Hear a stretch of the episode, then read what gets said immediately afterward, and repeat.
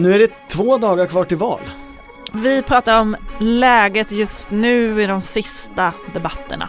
Och så mejslar vi fram arketyperna. Vilka roller spelar partiledarna i slutstriden?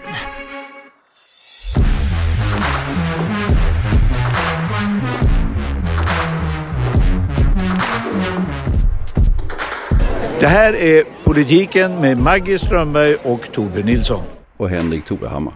Mycket gripande. Mycket gripande. Kan vi skriva en nekrolog över den här valrörelsen nu? Gärna, men det är två dagar kvar. Men... Ja men börjar man inte bli lite mätt? Alltså jag känner, det är en sorgens tid. Elisabeth har dött och jag tycker vi säger valrörelsen är död, länge lever valrörelsen. Du är Elisabeth med eh, Storbritanniens för detta monark eller av, avlidna monark. Jag ska försöka klämma in världshändelser här som inte kommer ha någon effekt på den svenska valrörelsen ändå. jag måste säga att kände inte ni ändå att det var en slags förutsägelse när hon dog? Så kände jag. Att någonting har skiftat, någonting kommer att hända? Jag tänkte så här, om prins Charles får bli kung. Han är kung då kommer Ulf Kristersson bli statsminister.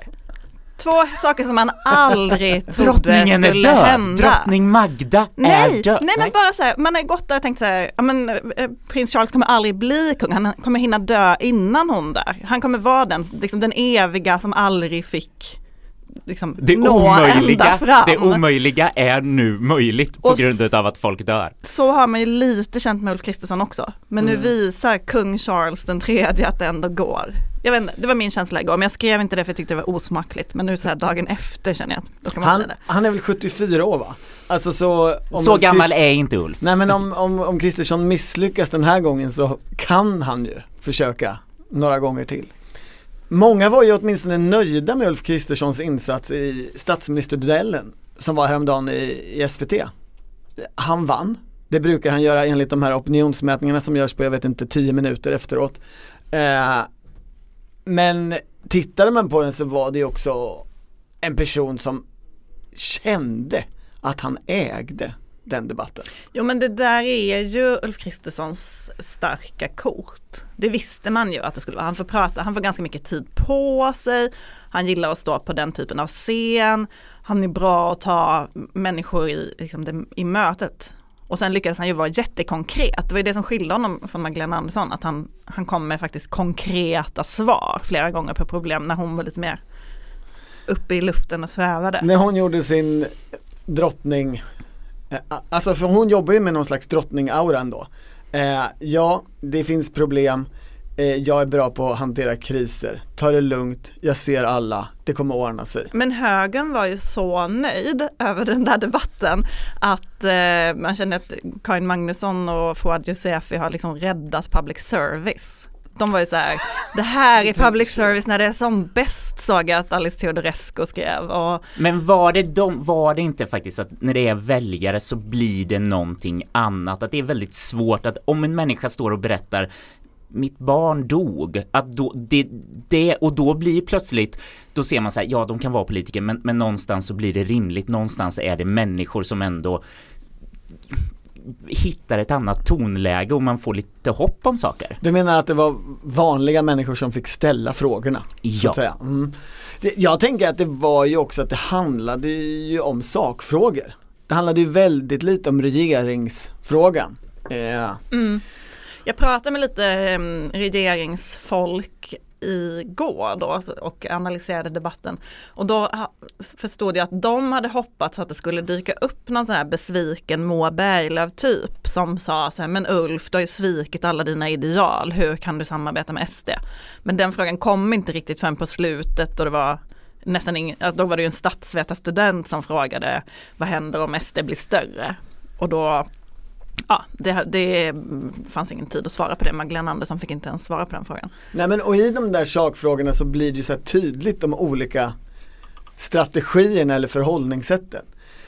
Eh, och man kan ju verkligen undra om det inte var så att några socialdemokrater den där kvällen kände, var det verkligen en jättebra idé att lägga alla ägg i den här valrörelsen i en och samma korg, nämligen Magdalena Andersson har eh, höga förtroendesiffror, folk gillar henne.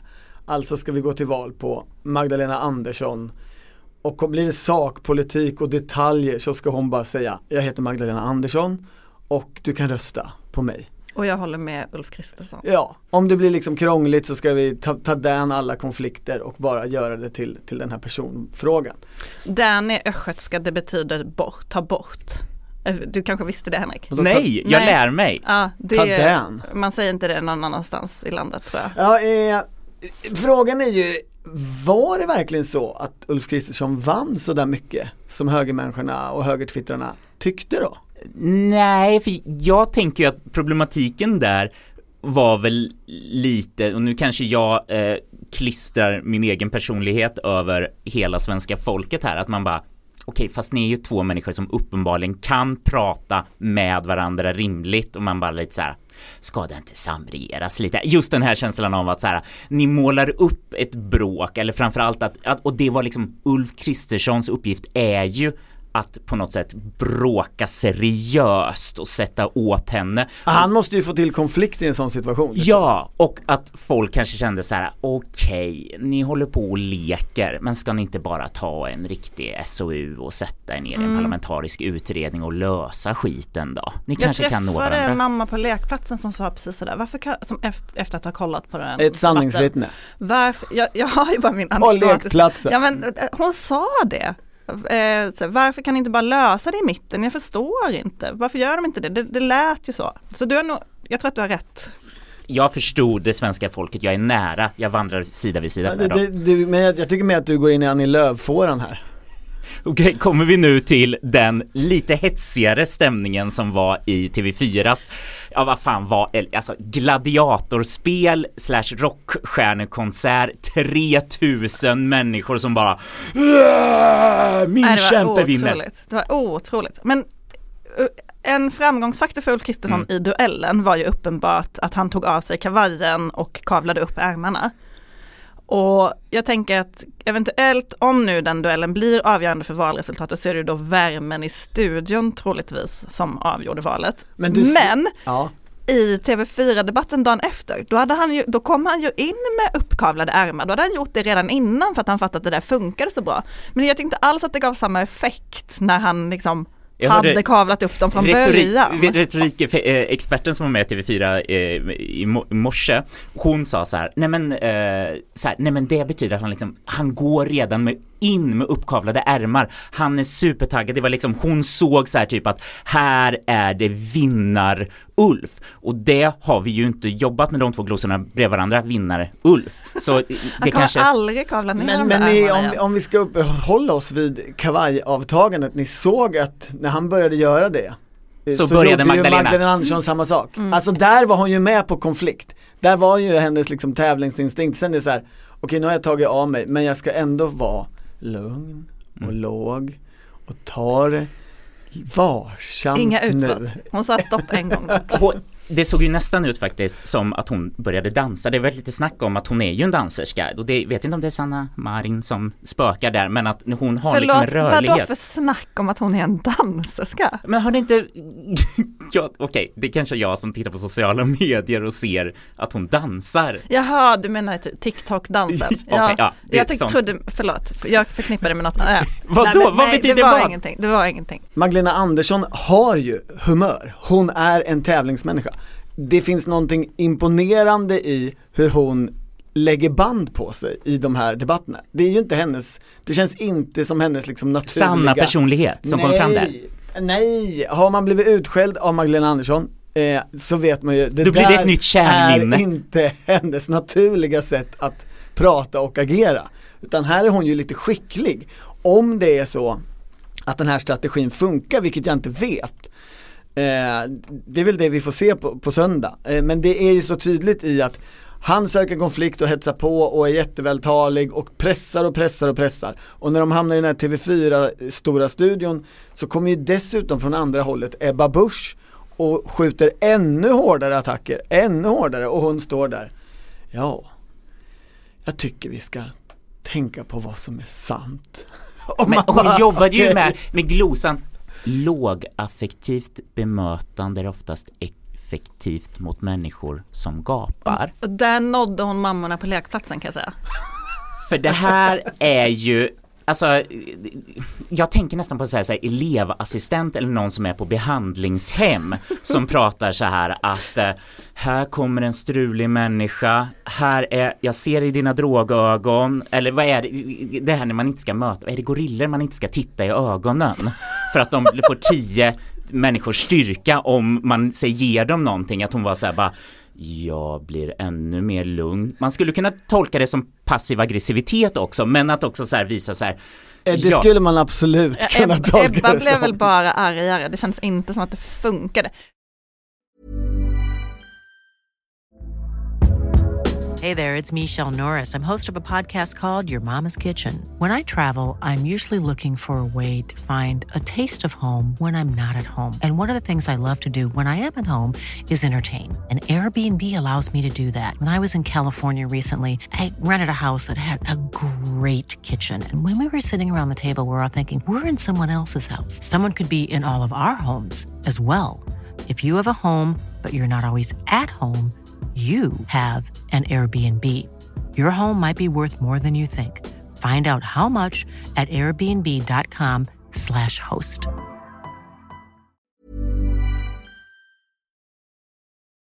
Om vi ska begrava den här valrörelsen som jag börjar känna mig redo för. Jag förstår att debatterna är viktiga och de är inte helt färdiga än, men finns det inte massa saker här som har ändrat sig under valrörelsen? Vad har vi liksom lärt oss av den här valrörelsen? Vad har hänt som har varit viktigt? Jag har tittat på min eh, noteringar, Notes-appen, jag tror det är samma sak, där jag skrev ner grejer Alltså i din telefon? Ja. Du antecknar där? när jag, innan jag kom till detta jobb så kände jag att jag ska liksom försöka och leka kommentator och skriva ner starka spaningar under juni, juli, augusti innan jag kom in hit och jag tittade lite Jag på tycker de vi där. ska publicera de här. Det känner jag att vi inte behöver göra för att jag skrev till exempel så här Sillvalet? Frågetecken, utropstecken som en referens till Sälvalet 88 att det är så här, wow, alla pratar om sillen, precis som det var så här gosiga bilder på sälar Ja men som tog kom en ju sill och strömmingen här i partiledardebatten ändå. Ja, och jag kände så här, alltså? absolut, men det har ju inte varit en dominerande att Nej, man har har haft bilder på Nej. sillströmmingar som bara tittar så här, kan du rädda mig, kan du rädda mig och att det dramatiskt förändrar någonting, eller så har det gjort någonting där, Så absolut. där hade du fel, eller så har någonting förändrats. Ja, eller den här starka spaningen. Väktarvåldet! Chock-emoji.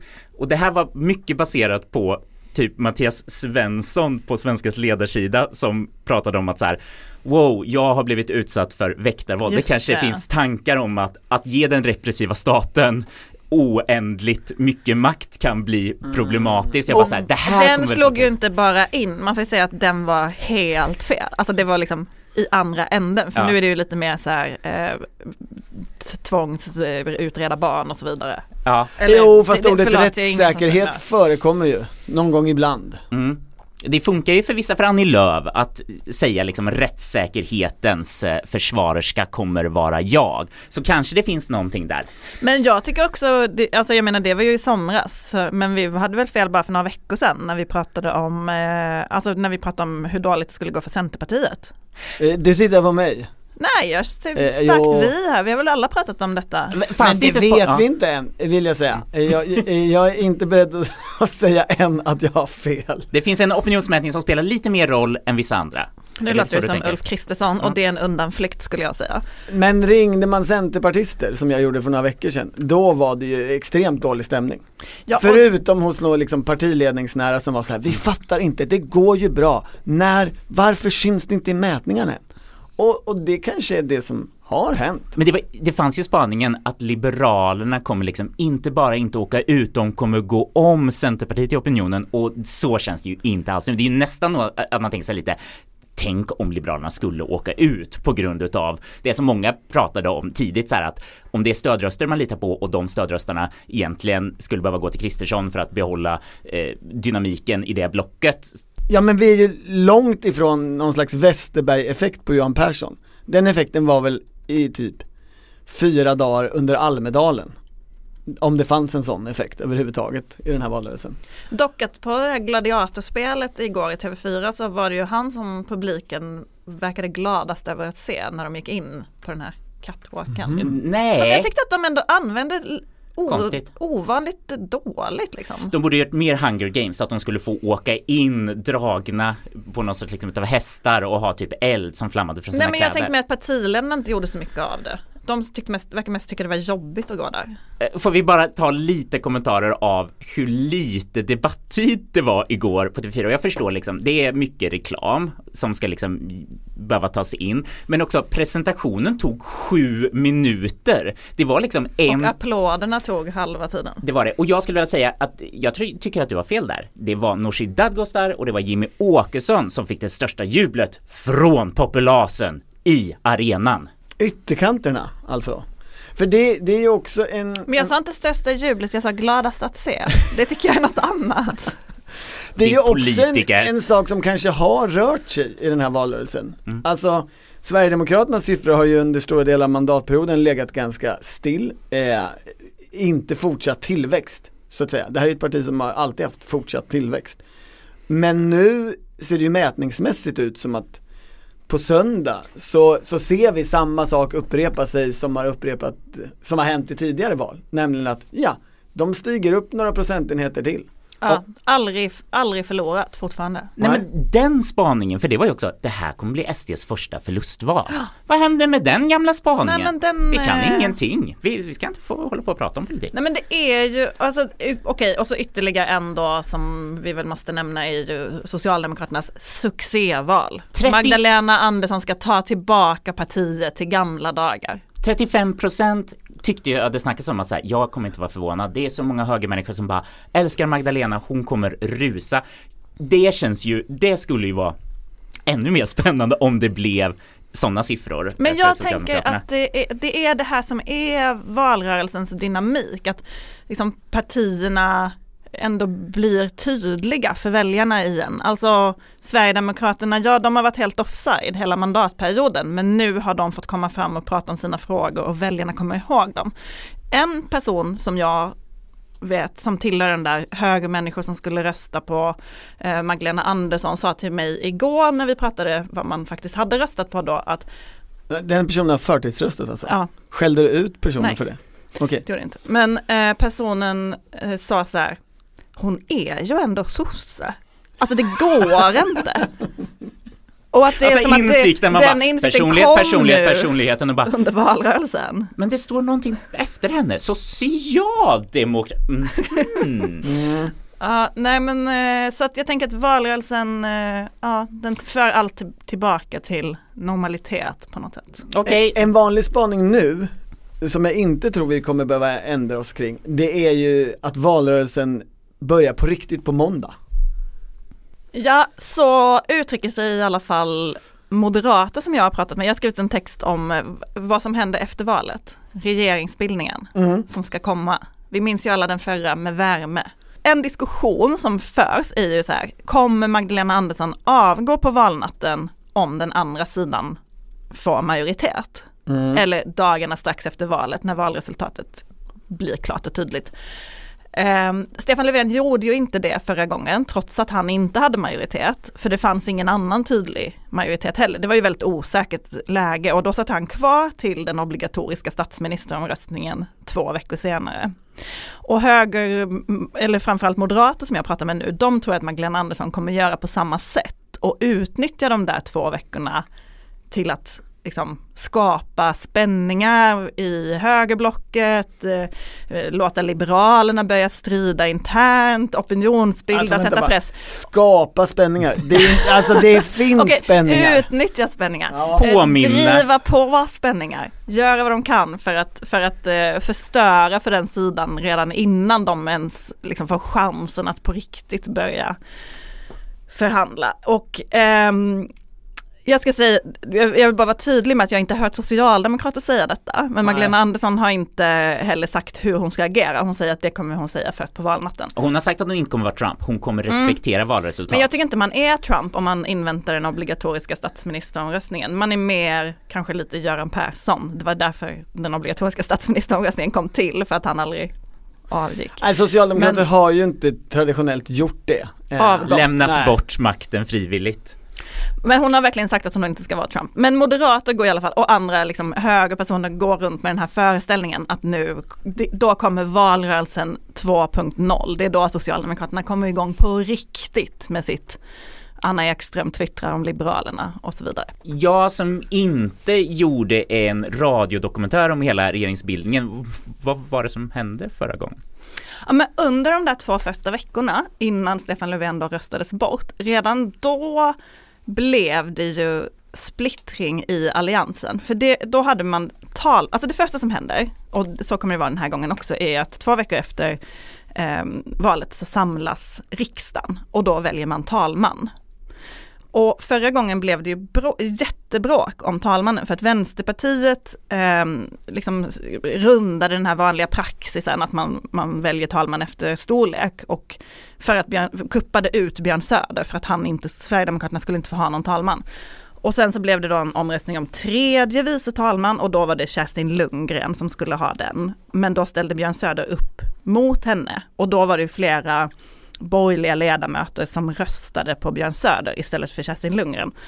Och talmansvalet är ju anonymt, ni vet man lägger en lapp i en urna så att eh, man vet inte vilka, men alla tror att det var kristdemokrater och moderater.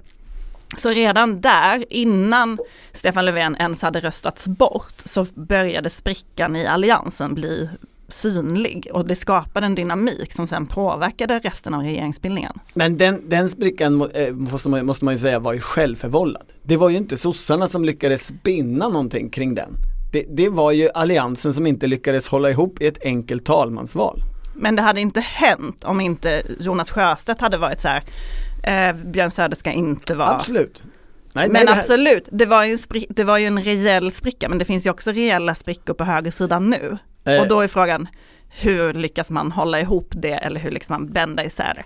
Säg inte att detta kommer hända men det är ändå potentialen finns. Ja men är det inte också som att det redan börjar hända?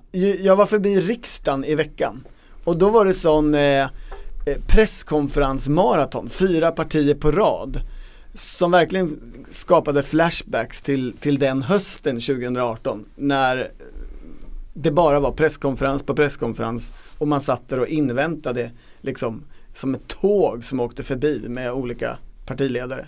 Ja, och Sverigedemokraterna gick ju ut och sa att de har 100 punkter som de, omkring 100 politiska saker som de vill få igenom. Och sen kom Annie Lööf och sa att hon hade inte så många, två, två punkter plus någon slags här övergripande Vadå, beskrivning. har hon fler röda linjer än punkter? Det lät i alla fall så i, i hen, på hennes presskonferens. Men det, är, det finns ju något väldigt intressant. Men för Sverigedemokraterna gav ut då ett kompendium med åtta eh, lagändringar som de vill ha igenom. Det var på rättspolitiska området, det handlar om visitationszoner bland annat och andra frågor. Och, och sen kom Annie Lööf och sa att hon ville ha mer fritids, men också att liksom, skatterna får inte sänkas och bla bla bla. Men det var liksom en så här, ganska övergripande agenda som var ganska given, jämställdhet, ekonomi, landsbygd och sen så två förslag då om eh, fritids och förskola. Men känner man inte med de två presskonferenserna att det är ganska uppenbart vilka roller de olika partierna letar efter i den här regeringsbildningen? Alltså Sverigedemokraterna letar efter den roll Centerpartiet hade i januariavtalsuppgörelsen. Eh, alltså stå utanför men sitta på de viktiga mandaten och kunna kräva allt. Kunna, kunna kräva den saken, ja så ska vi ha det också, så vill vi ha det. Alltså Här är våra 100 punkter, vi Ja. kanske inte får igenom allt men Med- 99 ungefär. Och det ska vara saker som verkligen smärtar för gamla alliansen att gå med på. Med, fast medans, det ja det vet jag inte om det är lika viktigt. Det, men det, Okej. däremot så ska det ju vara att det är Sverigedemokraterna som faktiskt bestämmer. Den känslan, som många hade kring januariavtalet. Var det Stefan Löfven som faktiskt bestämde eller var det egentligen Annie Lööf? Ja, och det är ju politik eh, på områden där de andra partierna tydligt har flyttat sig i Sverigedemokraternas riktning. Så det blir ju också en manifestering av hur de har liksom förändrat svensk sakpolitik och inte bara det politiska landskapet. Ja, jag känner att det redan nu börjar se alla de här dåliga skämtteckningarna när det ska vara När Ulf sitter i Jimmys knä. Nej, ännu Nej. värre. Att eh, Aha. Jimmy är ute och går med inte Winston utan Ulf i ett litet koppel. Det kommer ju bli den Ja, så bara, vem är det som Mm. styr? Vem viftar på svan... Oh, oh. Jag vill i alla fall säga att det intressanta med Centerpartiets del tyckte jag var att eh, eh, Alltså, alltså, deras presskonferens menar du? under mandatperioden så har man ju hört centerpartister, de har ju klagat mycket centerpartisterna när man har ringt dem. De har ju varit gnälliga, så får man säga. De gillar inte sitt läge, de tycker inte det är så kul. Och en sak som man hör ibland är så här, vi har ju inte politikutvecklat någonting under den här tiden och vi fick ju igenom hela listan förra gången. Om vi nu ska samarbeta med Socialdemokraterna igen, vad har vi ens för krav att ställa då? Nu har vi ju gjort LAS och Arbetsförmedlingen och ja. Och, och så känner man väl lite när man tittar på Annie Lööfs lista. Ja men det, det, jag tänker att det är så uppenbart vilken roll hon eftersträvar. Hon eftersträvar inte en roll där man i för, utanför regering i förhandling ska utpressa sig till sakpolitiskt inflytande. Utan hon eftersträvar en roll att komma på insidan och där kunna fatta de här många små besluten som påverkar jättemycket men som kanske inte syns utåt lika mycket. Okej. Jaha, för jag Alltså- trodde att du skulle gå in och säga att hon var den eh, liberala bromsklossen i det rödgröna projektet. Ja det skulle hon kunna vara, men då stod, det, det, är uppenbart tycker jag från den här presskonferensen att, att hon vill vara en bromskloss inne i regeringskansliet. Medans eh, Och det, där ska ju vara bromsklossar ska ju vara inne i det sak, du- fordon som ska, driver du- ska Sverige. du starta, skapa en bild här av en, av en, av en bil eller Det är någonting. inte den liberala motorn längre. Precis. Utan bromsklossen.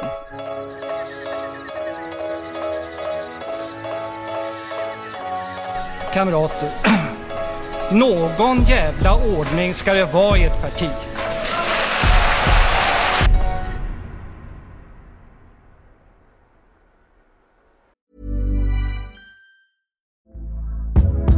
Hey there, it's Michelle Norris. I'm host of a podcast called Your Mama's Kitchen. When I travel, I'm usually looking for a way to find a taste of home when I'm not at home. And one of the things I love to do when I am at home is entertain. And Airbnb allows me to do that. When I was in California recently, I rented a house that had a great kitchen. And when we were sitting around the table, we we're all thinking, we're in someone else's house. Someone could be in all of our homes as well. If you have a home, but you're not always at home, you have an Airbnb. Your home might be worth more than you think. Find out how much at airbnb.com/slash host.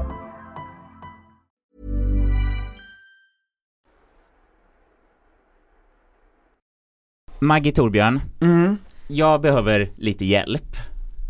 Och jag tänker att vi ska använda podden till att vi ska workshoppa ihop det jag ska skriva inför kvällens slutstrid. Vad kallas den? Slutdebatten. Ja. Ja, Okej, jag höjde nivån lite till bara så här. Men det är också en duell imorgon Ja. i TV4. Och Det- då kanske det är riktiga gladiatorerna. Förlåt, det är också den riktiga duellen. Ni sa hela tiden duellen innan, men du får komma ihåg att SVT hade statsministermötet. Ni Ja. liksom respekterar inte de olika konstiga påhittade namnen som, som ingen kommer komma ihåg förutom någon som har hittat på just det namnet. Men berätta vad du ska skriva. Jag ska göra en inför debatten där jag ska försöka hitta, kanske inte arketyper, men vad de olika partiledarnas roller, funktioner kommer vara här. Och jag tänker att nu får vi liksom jobba med formatet för det ska in på det vi kallar för liven, så det ska vara jättekort. Det ska i princip bara vara ett ord som man ska liksom förstå, aha, det här är Tore Hammars, låtsas vi nu, det är ju liksom tillsammans verkar Ja, vi, fram det här. Du kan få byline på det. Ja. Eh, och ska vi börja med Magda? Är det passiva Magda som du vill ha? Eh, ja, ja det är det ju. Eh, passivt, det låter ju så Alltså, dro- alltså för att vara snällare då, eh, så, så är det väl drottningen. Eller Alltså, stats- som står- Är det inte statsministern? Nej, nej men Ah. statsministern är ju en politisk person. Det hon håller på och försöker få fram i den här slutveckan är ju, jag står en bit över politiken. Är det landsmoder? Är det för tråkigt? Är det Fredrik Reinfeldt? Ja, men som det, var landsmoder. Det är ju någon slags statschefsposition där, ja ni kan tjafsa här nere om konkreta förslag och detaljer och vi ser på styva linan att ni kan siffrorna och har lagt ett förslag i, i något utskott för ett tag sedan, ja kanske jättelänge sedan och ingen har lyssnat på er och nu lyssnar jag. Ja nu lyssnar jag. Här uppifrån. Den lite, Jag, säger drottningen. ja, Alltså och då menar jag att det är inte att jag vill utse, det, det är inte så positivt som det låter för jag menar det är ju ett val och vi röstar är man ju för inte eller emot monarki? Det vi, vi, har, ja, vi har ju inte en, en folkvald monark utan hon ska ju vara politiker så det finns ju en, det är kanske inte så bra att vara drottning heller. Man kan ju också ha en lite hårdare tolkning och det är ju, jag tänker så här, kan man säga elevassistenten?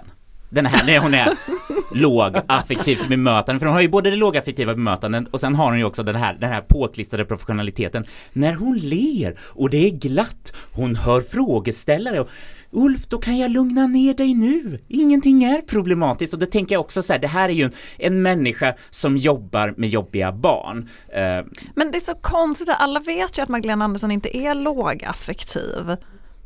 Alltså, hon fick en fråga i morgonpasset såg jag om det var, eh, de har ju kört en sån här grej med alla partiledare, oh, hur, vad kallar de det? Har ni sett det? Nej.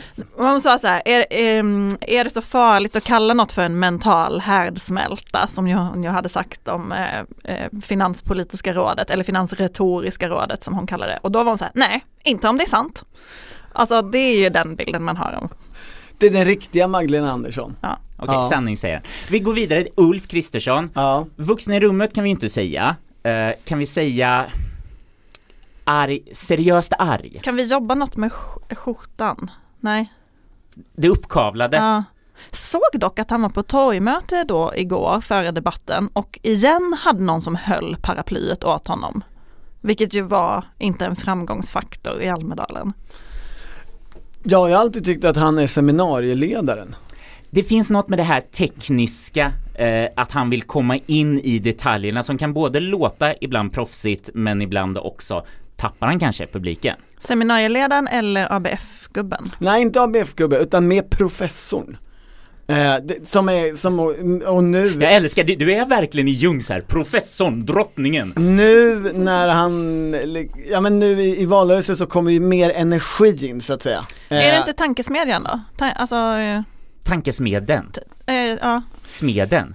Timbro, man Det- oh, Okej, okay, man kanske har någonting där. Vet du vad? Jag, jag ska låta det bubbla. För jag trodde nämligen att när jag sa eh, den vuxna i rummet att då så skulle Torbjörn säga Ja, alltså den som är vuxen i rummet om man tittar, eller som söker den rollen om man tittar på TV4s eh, partiledardebatt då, eh, det är ju Annie Lööf.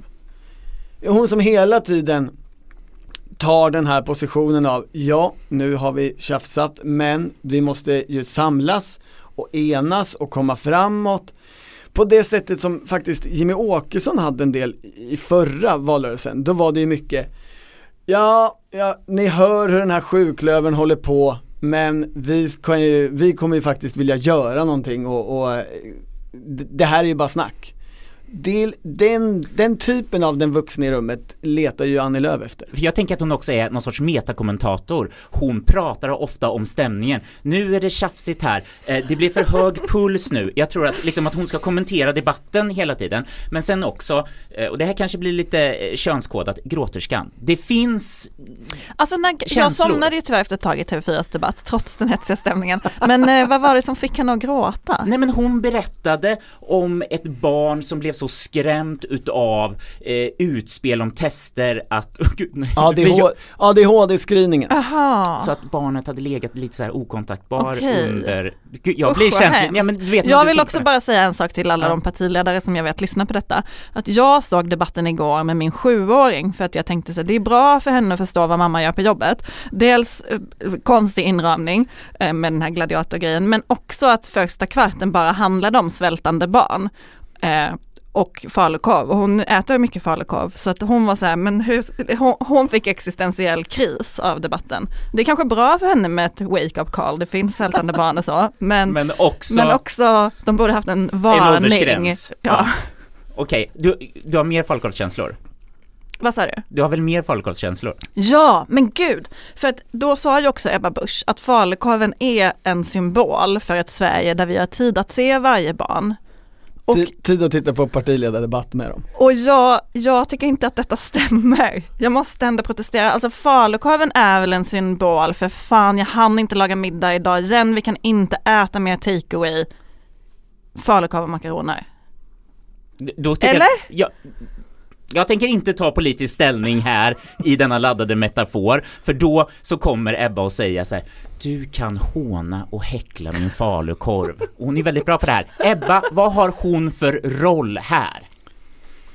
Eh, hon är ju, om vi gör det här till, till me, ett medeltida slagfält Ja. så är ju hon den som ni vet i filmer, det brukar ju vara kungen men jag tror egentligen att det ska vara en general springer framför härskaran som står uppställd och slår på deras sköldar eller på deras svärd så här, och hetsar upp dem. Hon är ju den som hela tiden driver upp konfliktnivån i det här gänget. Jag Det är ju tror- det hon vill vara, hon älskar att vara det. Ja, visst. Finns det ett Hon är ju, hon är ju skicklig på det också om man, om man säger så att, att målet är att få konflikt. Publikuppvärmare. Det är att förringa henne, tycker jag.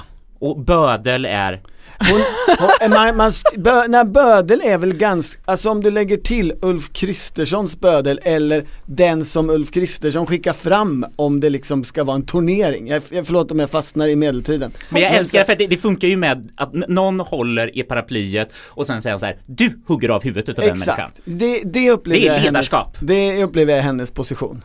Okej. Hon, hon kallade ju sig själv något på riksdagsjournalisterna. Det var ju kärringen som gick före eller något sånt. En kärring mot strömmen. Ja, men och Vadå, för Ebba, att Marit, Paulsson är död så då får hon ta alla Nej. gamla epitet? Det här ska, det ska Och- sägas att det här var innan Marit Paulsson Ja, gick bort. och Annie Lööf har ju också, hon brukar kalla sig själv för den här mandatperiodens städtant som ska fixa alla regeringskriserna. Okej, det här är bra. Om man ska ha en tramsiga beskrivning utav Ebba, då tänker jag i en dokusåpa så är hon ju också lite the shit stirrer, den som går upp med ett stort gigantiskt glas vitt vin, kastar i ansiktet och sen bara Hur kan du skapa detta drama?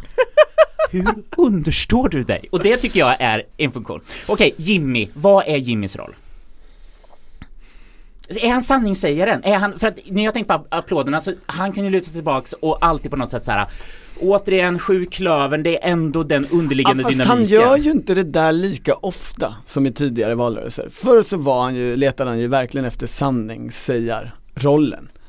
Det tycker jag inte, tycker jag inte, jag tycker att han verkligen letar efter eh, rollen som Ja, ni, jag är den riktiga ledaren på, det riktiga på, alternativet. på den här sidan eh, politiken. Det, Och jag väntar bara på att ta över det. det finns ju något intressant i om man tänker Give them hell-tiden då 2014 när man sänkte regeringens budget. Ehm, och det som han var på pressträffen i veckan där han pratade om att så här, vi förstår också att vi måste se till våra samarbetspartiers liksom, eh, de måste också må bra i det här samarbetet. Det är väldigt viktigt för oss att eh, det här sköts seriöst och att vi håller alla överenskommelser. Alltså de försöker hitta den nya eh, icke-protestpartirollen. Ja, det är ju lite som att han letar efter en kommunpolitikerroll. Kommunalråd. Alltså eh, där Kommunalrådet, det, det här ska professorn, kommunalrådet, sam, liksom vi ska samarbeta ändå, vi, eh, alltså, alltså inte, Också, inte med liksom, den här också konkretionen på Ja, något sätt. mm. Nooshi. Dadgostar, Nooshi Dadgostar, är hon sanningssägaren eller är hon löfteshållerskan? Oj!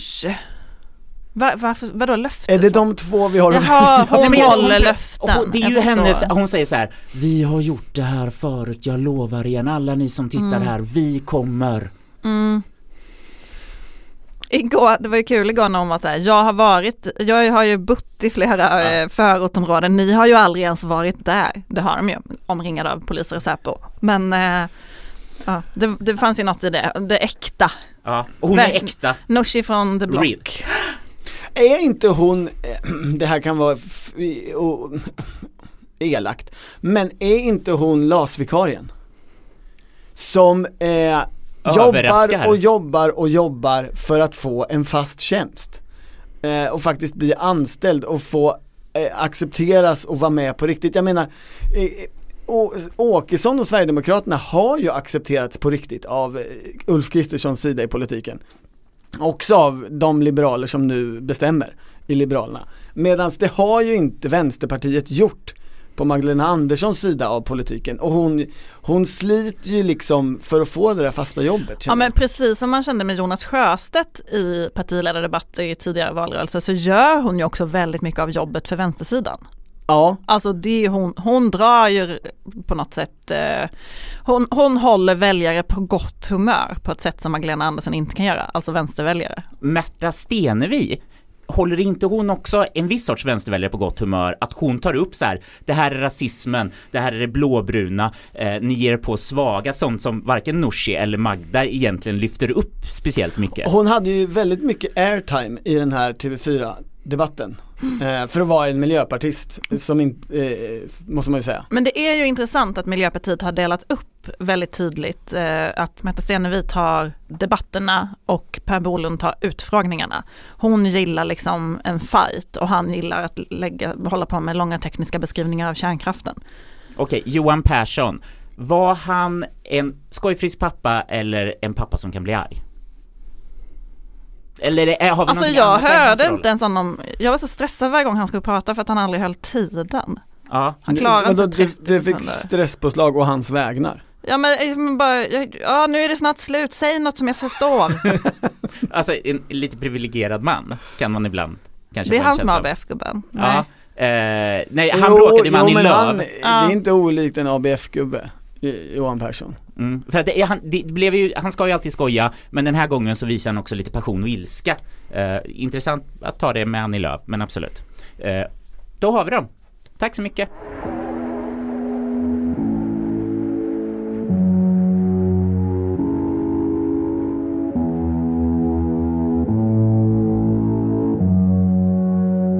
Everybody's stupid in an election year, Charlie. Everybody's stupid Everybody's stupid in an election year, Charlie.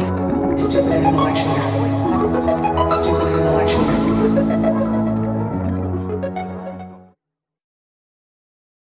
Torbjörn, du har ju fortsatt titta på valvakor som någon slags terapi. Mm, ja. Men nu, aha, ska jag sluta? Är du färdig? Nej. tera- terapin är färdig, nu, nu släpps du ut och nu är du frisk. Ja, nu är mitt maraton över för jag har kommit fram till vilken som är den absolut bästa valvakan. Åtminstone av alla de som finns uppe på SVTs hemsida. Vilken är det? Det är den som hände 1998. Mm. Det är kanske inte så mycket för det politiska resultatet som för den otroliga produktionen som SVT gör den här valvakan.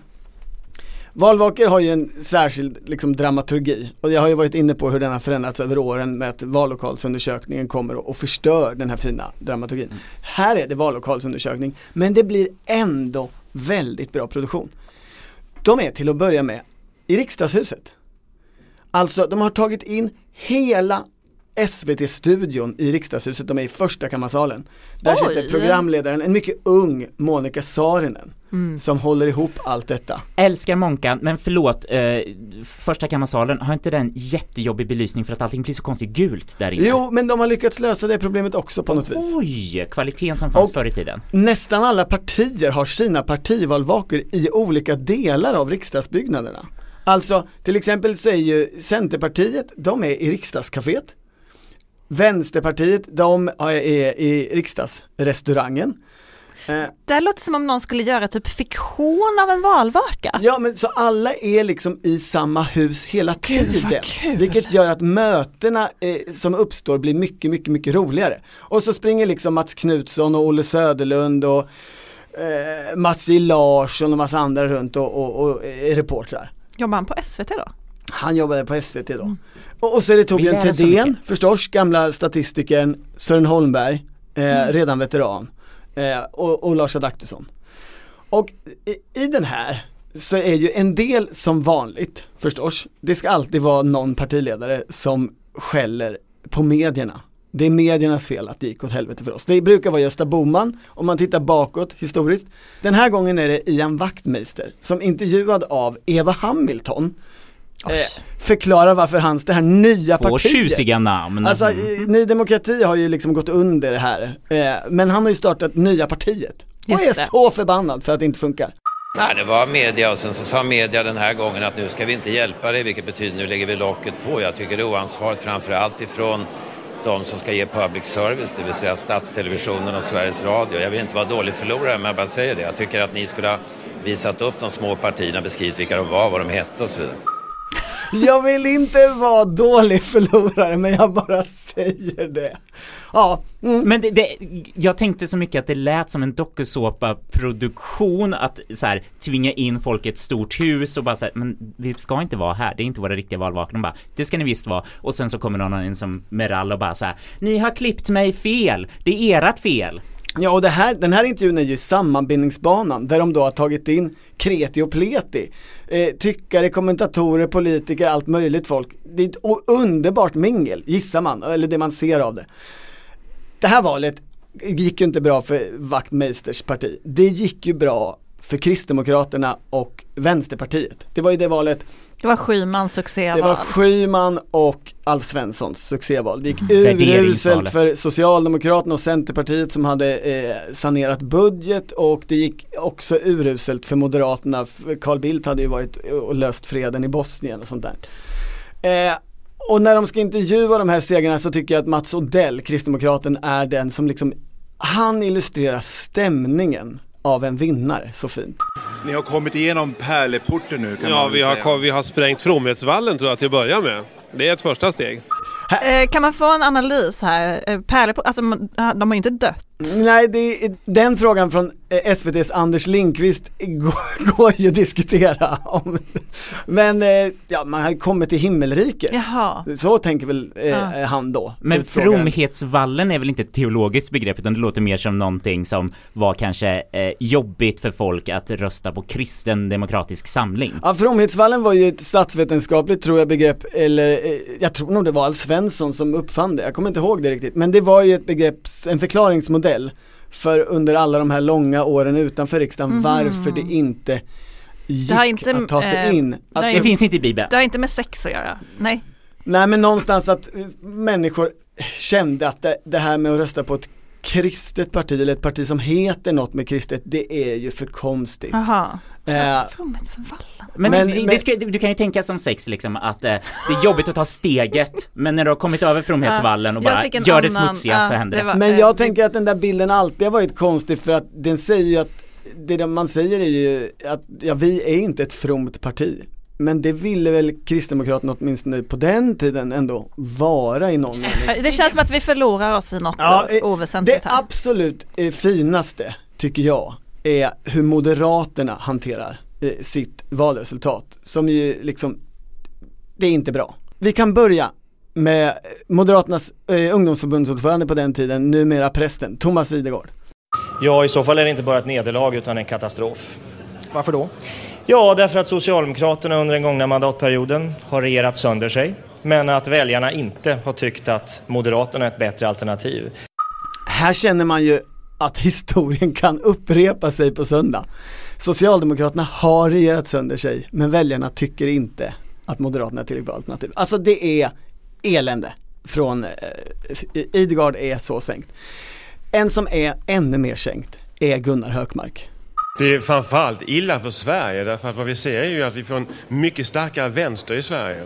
Som är en antitillväxtkoalition. Ja det är ju, det går, det, det, det är så hemskt för Sverige. Alltså jag kan inte härma hans underbara röst, men hur han går ner, sväljer alla ord på slutet på något sätt. Det, det, ja. mm.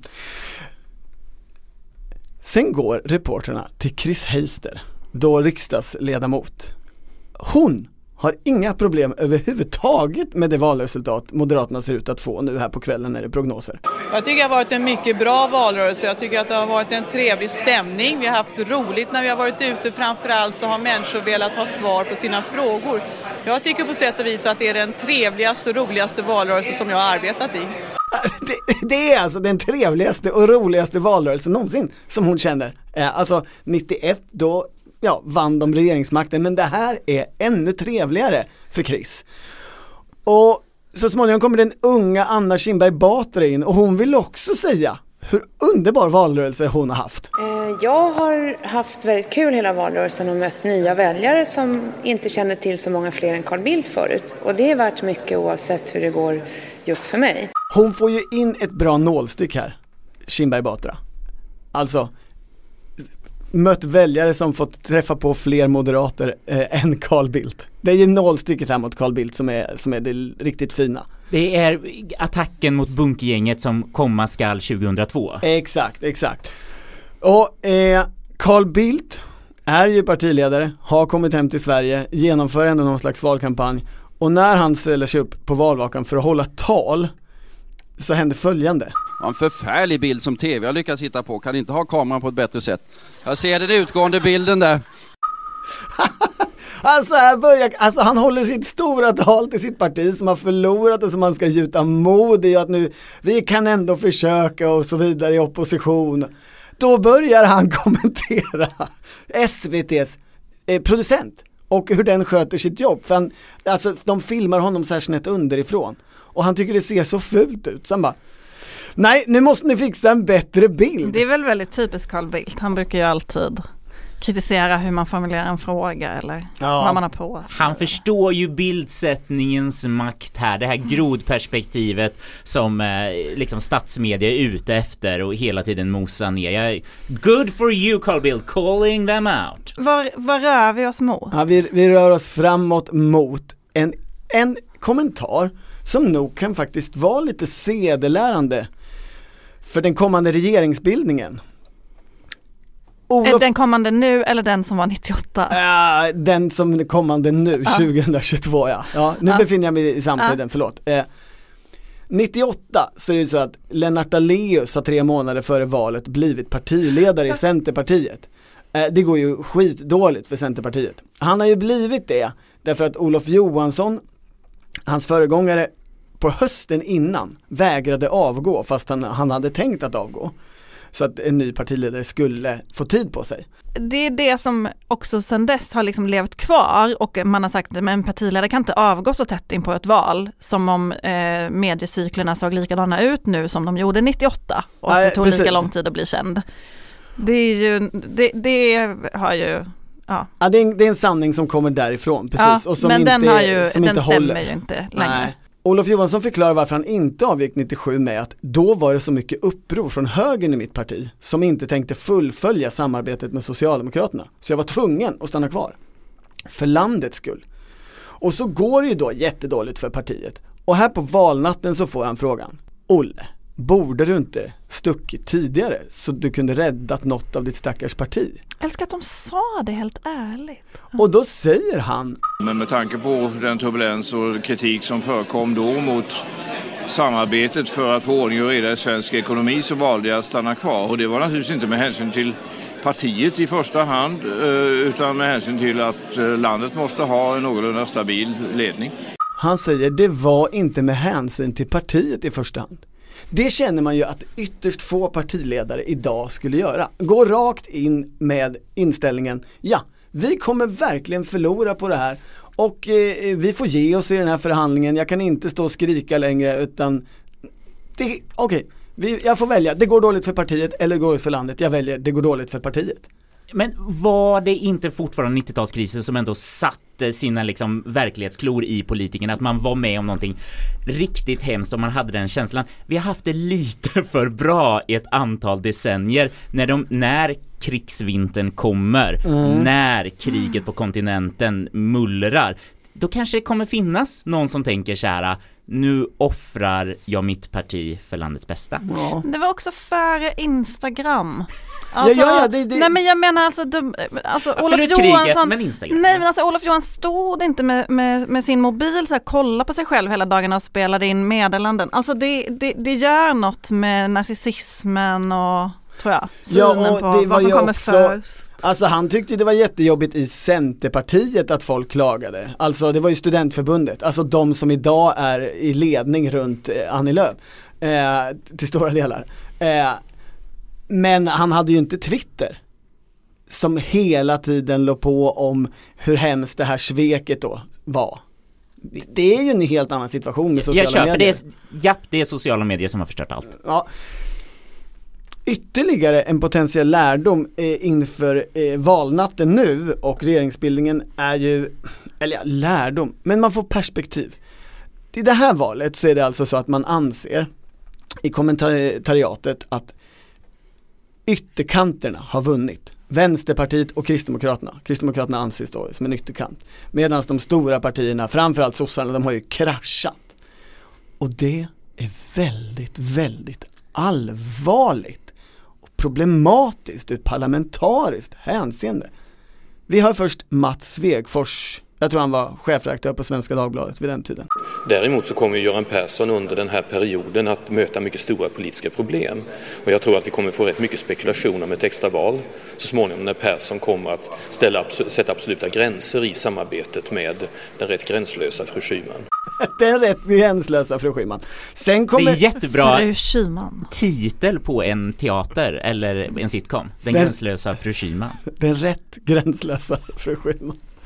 Ja, i, i den här valvakan så har de också, det är väldigt bra, eh, en, en fin panel med, med fack och näringsliv. Och näringsliv representeras av Björn Wollrat, eh, som väl var chef på Skandia tror jag. Eh, I vilket fall, han är så bekymrad över det parlamentariska läget. Ja, det här är väl egentligen sämsta tänkbara utgång kan man säga. Väldigt stark vänstervind och dessutom tre partier kommer att krävas för att man ska kunna få en majoritet i riksdagen.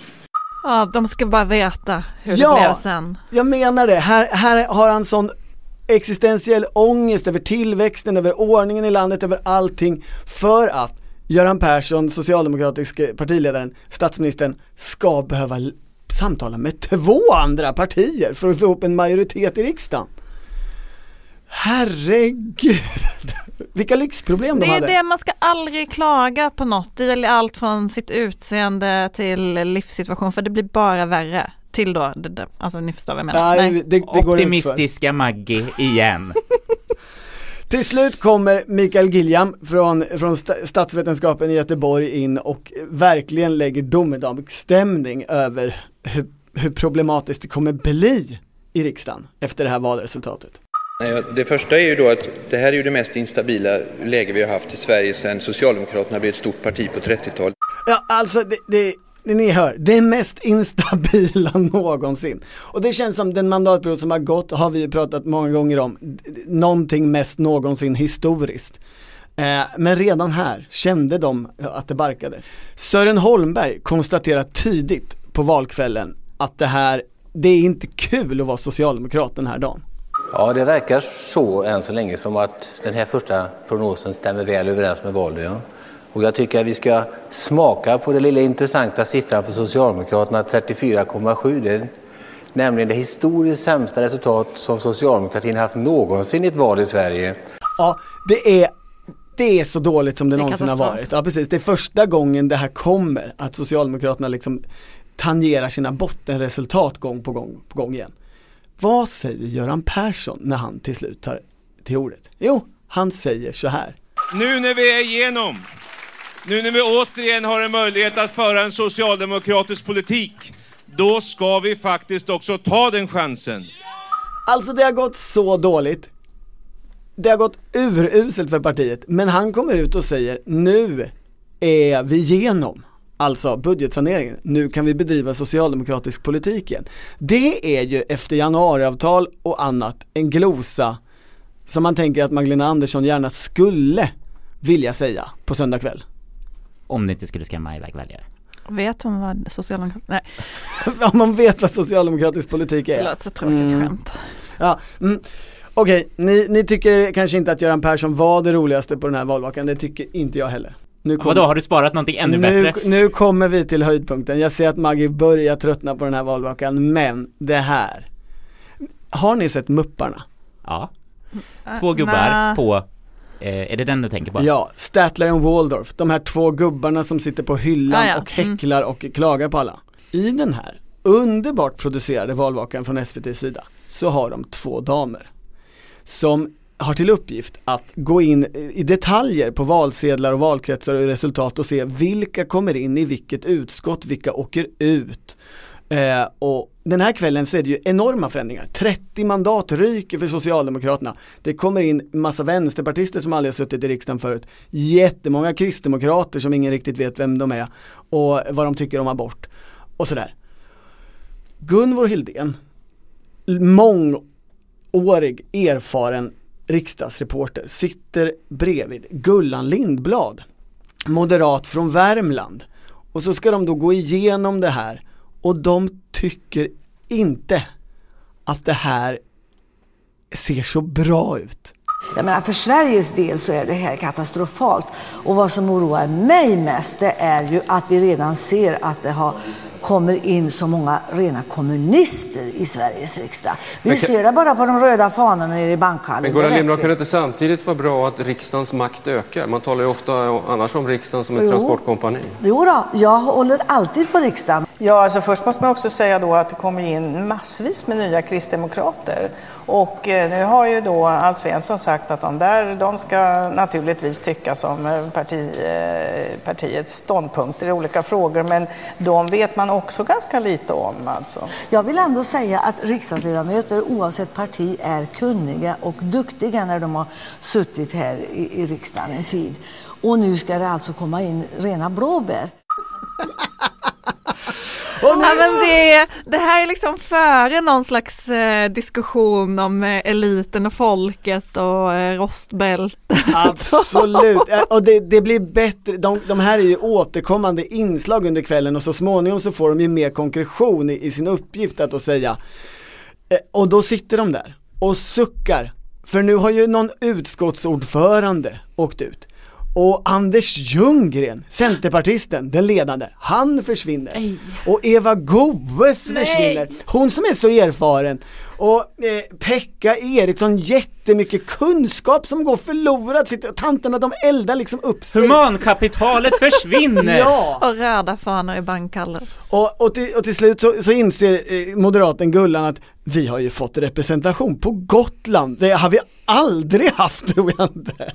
Men eh, alltså det är också väldigt udda med en moderat och en reporter. Alltså det så ska man ju en- aldrig göra Nej idag. det är en lite udda casting men den är Gullan väldigt var bra. Ju, ja, för Gullan var ju mer en personlighet, säger jag som värmlänning som växte upp. Jag bara, nej men gud, nu blev jag en tonåring här. Det här var, det var mys. Nej, Alltså, det är ju bra castat för de här är ju ett sånt dunderpar tillsammans, eh, måste man säga. Eh, jag tycker, är det något efter mitt maraton som jag saknar eller vill skicka med till de hårt stressade producenterna inför SVTs valvaka på söndag? Fixa en Statler och Waldorf-hylla och låt några bra gamla tanter sitta där och prata ut om vem som faktiskt borde vara i vilket utskott och hur hemskt det är att nå- någon stackare nu har åkt ut. Jag är peppad på söndag. Maggie, du känns inte... Ja, men jag, jag var 15 år då, 98. Det var, jag minns det här. Det var, det, det var stort, politik var viktigt. På söndag kommer politik också vara viktigt. Ja, då är det ju en valvaka som vi inte kommer recappa i detalj kanske i den här podden, men vi spelar in ett poddavsnitt. När, tror du, när tror ni vi kommer göra det? Eh, nej men någon gång alltså efter att vi har lämnat våra texter där, vi har ju tidning också, Jag Svenska tänker, Dagbladet. Så att Jag det- har en mental känsla av att vi börjar spela in vid två på natten. När ni vaknar måndag morgon kommer det finnas i poddspelaren. Nu blir jag trygg.